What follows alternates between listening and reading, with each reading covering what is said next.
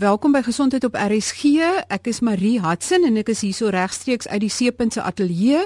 En as jy duiselig voel of balansprobleme het, weet daai tipiese dronk in die kop gevoel wat jou lewe so kan om omkrap. En tog het die dokter gesê jy het nie lae lae bloeddruk nie, jy het ook nie ander mediese probleme nie, maar tog kan jy nie van hierdie duiseligheid ontslaa raak nie. Is jy moedeloos? Wie wat? Daar is hulp.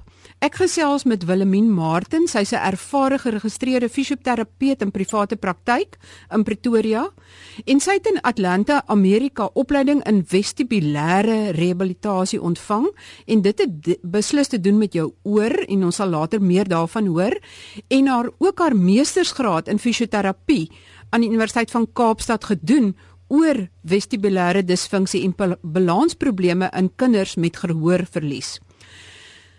Nou uh, baie welkom Willemien. En dankie Marie. Ja, en ek wil sommer wegspring en vra, hoe groot is hierdie probleem? sien jy heelwat van hierdie pasiënte? Ja, ek sien byna op 'n daaglikse basis sal ek minstens 2 of 3 mense sien wat die probleem het. Maar ek dink die probleem is heelwat groter omdat mense nie altyd weet waar om hulp te soek nie. Nou ons gaan vandag vir hulle probeer help en ons sal teen die einde sal ons ook pr probeer om 'n aanleiding te gee waarheen hierdie mense hulle kan wend vir hulp.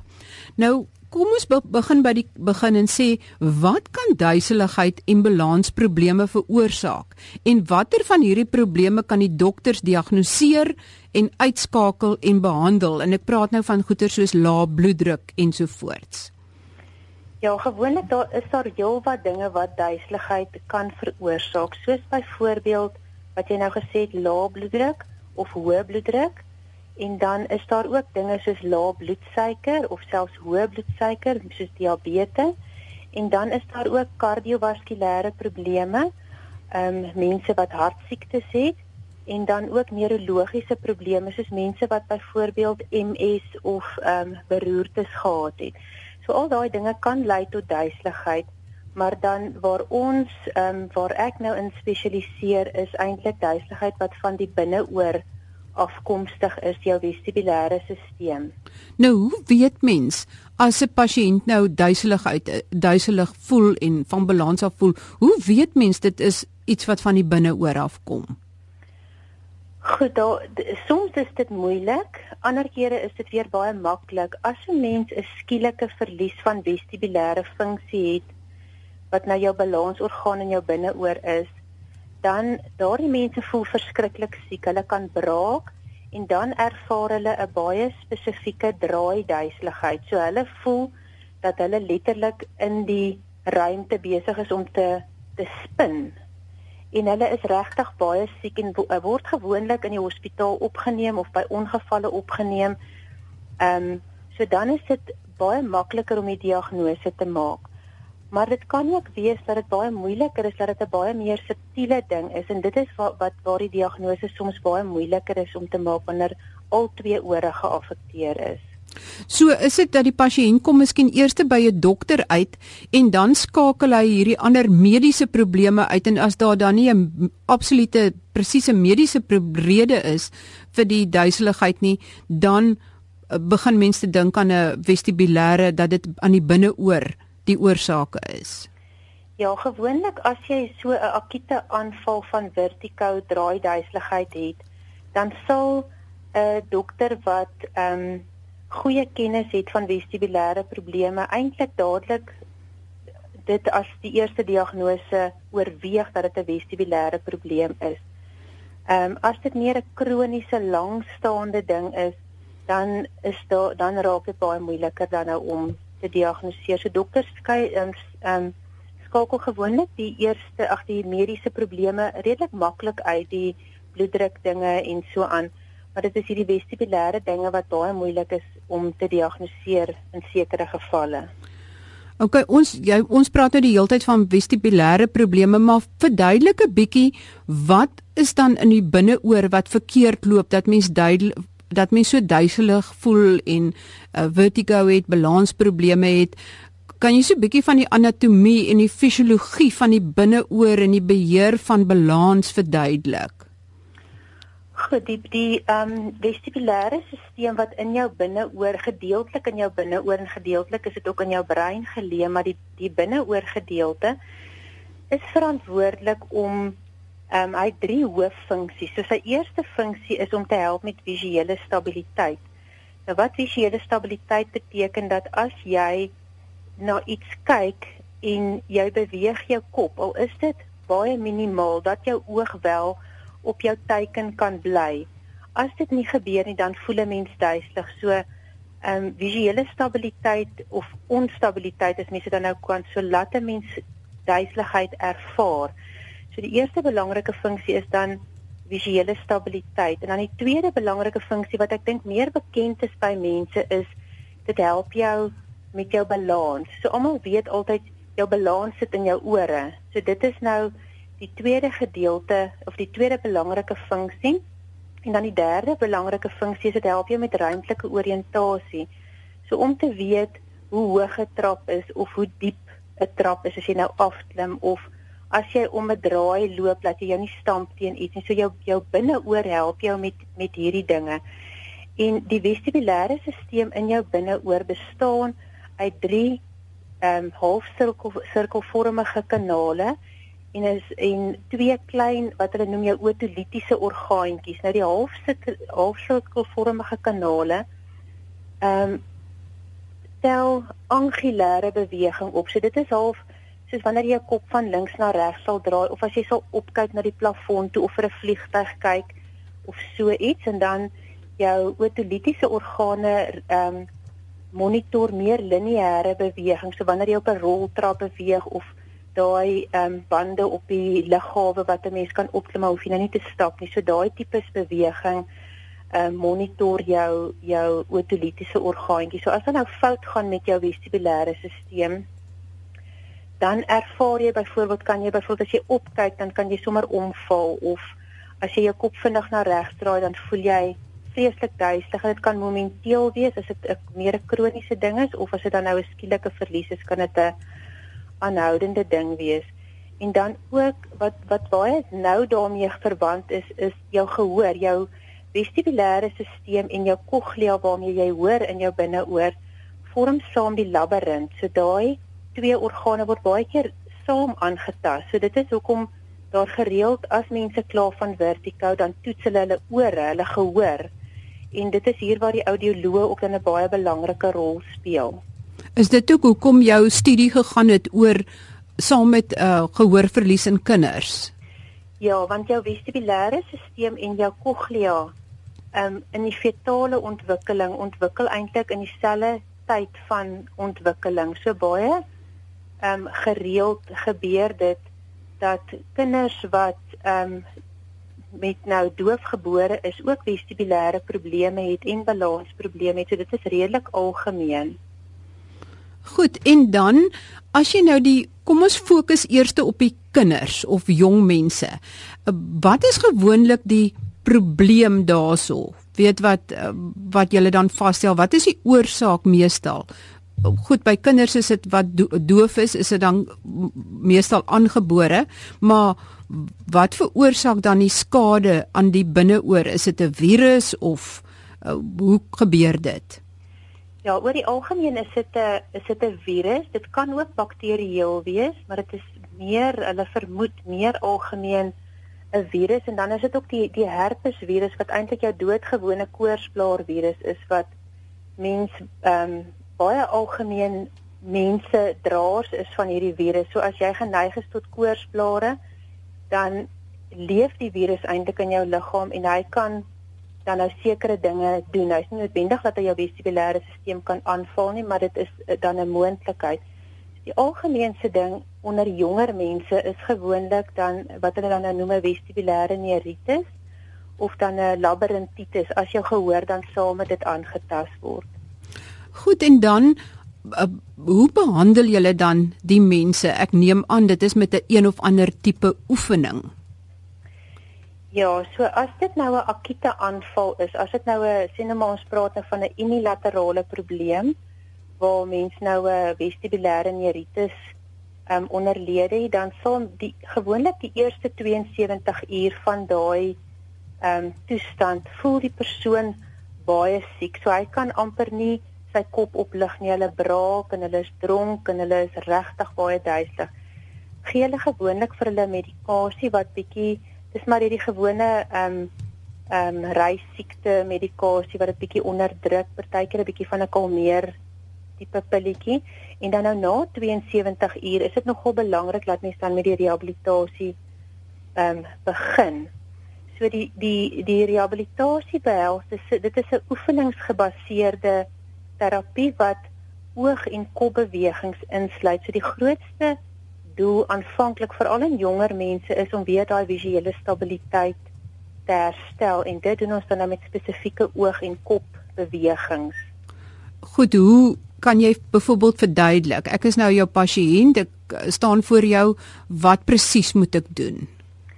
OK, as jy nou nie doodnaar is nie, dan sal ek nou vir jou byvoorbeeld 'n 'n kaartjie in jou hand gee met 'n letter of 'n syfer of 'n kol op 'n baie definitiewe ehm um, visuele stimulus wat ek vir jou kan gee, maar 'n een eenvoudige stimulus, so net 'n kol of 'n A of 'n B of so ietsie wat jy dan in jou hand hou en dan hou jy jou oë gefokus op daai A of B en dan beweeg jy jou kop van kant tot kant. Vir sien nou maar 'n tyd van 30 sekondes of hoe lank die pasiënt dit ook kan ehm um, tolereer want dit kan hulle baie naar maak so mense wil hulle nou nie laat seker voel as wat hulle reeds is nie en ehm um, dan sal mens nou van daar af die oefening progresseer en meer oefeninge doen. En wat is die ideaal? Hoeveel hoe intens en hoeveel kere week moet mens hierdie oefeninge doen en hoe lank voordat daar gewoonlik 'n uh, resultate is? Ok, gewoonlik as mens begin met die oefeninge, as dit nou 'n een eenvoudige vestibulêre neuritis is, sal mens ehm um, die oefeninge 2 tot 3 keer 'n dag ehm um, moet herhaal en gewoonlik oor 'n tydperk van so 6 tot 8 weke. So mense wat gewoonlik ook die probleem is met hierdie mense omdat die oefening hulle nie laat lekker voel nie, sal hulle partykeer te gou ophou daarmee omdat dit hulle bietjie kan laat naar voel of duiselig voel. So dit is baie belangrik om dit gereeld te doen en dan ook oor 'n tydperk van 6 tot 8 weke. Goed, maar as mens hierdie oefeninge doen, ek neem aan dat die skade in die binneoor self nie herstel kan word nie, maar hoe werk dit dat die een dan begin beter voel? Wat wat verander in iets verander iets in die brein of of wat gebeur? Ja, dis presies so. Ehm um, die die skade aan die binneoor is permanent. In die eerste ehm um, paar weke kan daar klein bietjie regenerasie van die selle plaasvind, maar dit is nooit heeltemal weer soos wat dit was voorheen nie. En dan begin die brein eintlik want eintlik wat gebeur as as jy nou skade het in jou binneoor en jy ervaar dat jy spin, jou brein begin agterkom maar ek spin nie, dit is 'n ervaring en dan begin hy om jou om eintlik dan ander netwerke te vorm om nou aan hierdie nuwe situasie ehm um, gewoon te raak. So in party mense gebeur dit soms outomaties dat hulle binne 2-3 weke voel hulle heeltemal goed, maar in ander mense kan dit kan die simptome vir jare aangaan. Nou nie so akut soos aanvanklik nie, maar in 'n mindere mate as hulle byvoorbeeld op 'n roltrap moet klim of ehm um, in 'n fliek moet inloop waar daar nou dowwe beligting is en selfs kan hierdie mense byvoorbeeld baie sukkel om net na 'n fliek te kyk omdat die visuele ehm um, input so sterk is. Dit laat my nogal dink dat as iemand op 'n skip is of op 'n bootjie en en daai wieg van die water en dat mense dan sê jy moet jou oë op 'n punt op die horison fokus sodat al beweeg jou lyf in die boot dat dat jy nie so naar moet voel nie. Is dit dieselfde beginsel wat geld? Ja, dis presies dit. As mense wat seestiek raak, het eintlik 'n um, hipersensitiewe vestibulêre stelsel. So die oomblik is as daar 'n bietjie te veel beweging van die liggaam plaasvind en waaroor hulle dan nou nie beheer het nie, dan begin hulle nou sleg voel en dan kry jy ook 'n sindroom wat jy nou juist sê van as jy so tyd op 'n boot was en as jy dan afklim, dan voel dit vir jou jy is van balans af en jy wieg en dit is ook 'n vestibulêre probleem dan. Goed Willemien, ons kom aan by ouer mense. Is dit dieselfde tipe oorsake of is dit gewoonlik ander oorsake en waarmee presenteer hulle? Lyk die prentjie verskillend of is dit maar dieselfde? Kyk, die ouer mense kan presies dieselfde ding ook oorkom, soos wat jy nou maar 'n verkoue kry, kan jy 'n vestibulêre neuritis ook kry. En dan wat baie keer gebeur in ouer mense is dat hulle hierdie skade eintlik lank terug gekry maar hulle het so goed aangepas en hulle het nou eintlik al vergeet hulle die probleem gehad, maar soos wat hulle minder aktief raak, kan hulle meer ehm um, weer meer duiselig raak en dan begin val wat nou die 'n groot probleem is in ouer mense omdat die komplikasies van val so ernstig is. Ja, mens wil glad nie hulle moet val nie, nê, nee, glad nee, nie. Nee, nee, veral dit is eintlik al met navorsing bewys dat die grootste oorsaak van dood in mense bo 70 is die komplikasies van val. So dit is eintlik lewensgevaarlik vir ouer persone om so 'n probleem te hê en dit word nie aangespreek nie. So, wat ook met ouer mense kan gebeur is dat ehm um, hulle ehm um, het dalk of partykeer as mens jonger is dan dan kom jy nie noodwendig die goed agter nie, maar daar's sekere medikasies ook wat byvoorbeeld vir jou 'n bilaterale disfunksie gee. Dit is nou wanneer die ehm um, jy nie daai definitiewe vertigo kry nie, dan klaar die mense van 'n simptoom wat ons nou in die mediese veld noem oscillopsia en soos wat jy eintlik kan agterkom aan die term dit het iets met oscilleer te doen. So alles wat jy na kyk lyk vir jou of dit 'n bietjie beweeg en dis jou visie is 'n bietjie dit voel of jou oë iets mekeer eintlik. Jy kan nie mooi duidelik sien nie en hoe meer jy beweeg, hoe meer beweeg jou omgewing eintlik saam met jou. So dit word gewoonlik deur medikasies veroorsaak en dan ook Skus tog voordat jy voordat jy aangaan kan jy dalk een of twee soorte medikasies noem wat hierso 'n faktor is. Ja, daar is um, sekere antibiotikas wat eintlik nie meer baie gebruik word in vandag se tyd nie en in sekere lande is dit al heeltemal verbied.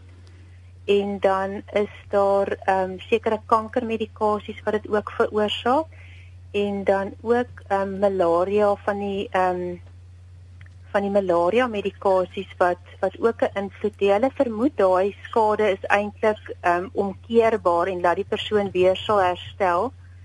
Um maar ja, daar is sekere van die quinine medikasies wat ook vir jou kan dan probleme gee. Goed, dit is belangrik dat mense net bewus is daarvan. En en jy dan gesê ook auto-immuun siektes. Wat val onder auto-immuun siektes? Nou so daar's 'n hele ehm um, reeks van hulle. Die algemeen sien wat ek dink meeste mense ken is reumatoïede artritis en dan ehm um, ook ankiliserende spondilitis of lupus. Daar is regtig 'n hele klomp van hulle en die navorsing daaroor is nie altyd so baie duidelik nie. So as 'n mens gaan kyk na wat in die navorsing is, dan sal hulle ehm um, sal dit baie keer aangedui wees dat dit wel kan gebeur en dan kry jy dan begin hulle dit eintlik nou ook noem die autoimmune inner ear disease. Dan kry jy dan dan word dit eintlik as 'n nuwe toestand geklassifiseer saam met jou outoimmune siekte wat jy dan nou het. Dis baie interessant. Ehm um, het stres enige iets met duiseligheid te doen? Definitief. Ek dink ehm um, die as as 'n mens wat ek nou op so 'n punt begin, as 'n mens van nature baie gespanne mens was, en jy kry 'n vestibulêre probleem, dan is dit amper of die enige spanning maak dan jou dan maak maak dit jou ook meer duiselig. Maar wat ook gebeur selfs mense wat normaalweg nie ehm um, noodwendig enige ehm um, spanningsprobleme het wat buite beheer is of so nie sal ervaar ongelooflike angs as hulle die toestand kry. Dit is hoekom dit baie keer ook gediagnoseer word as 'n angsversteuring.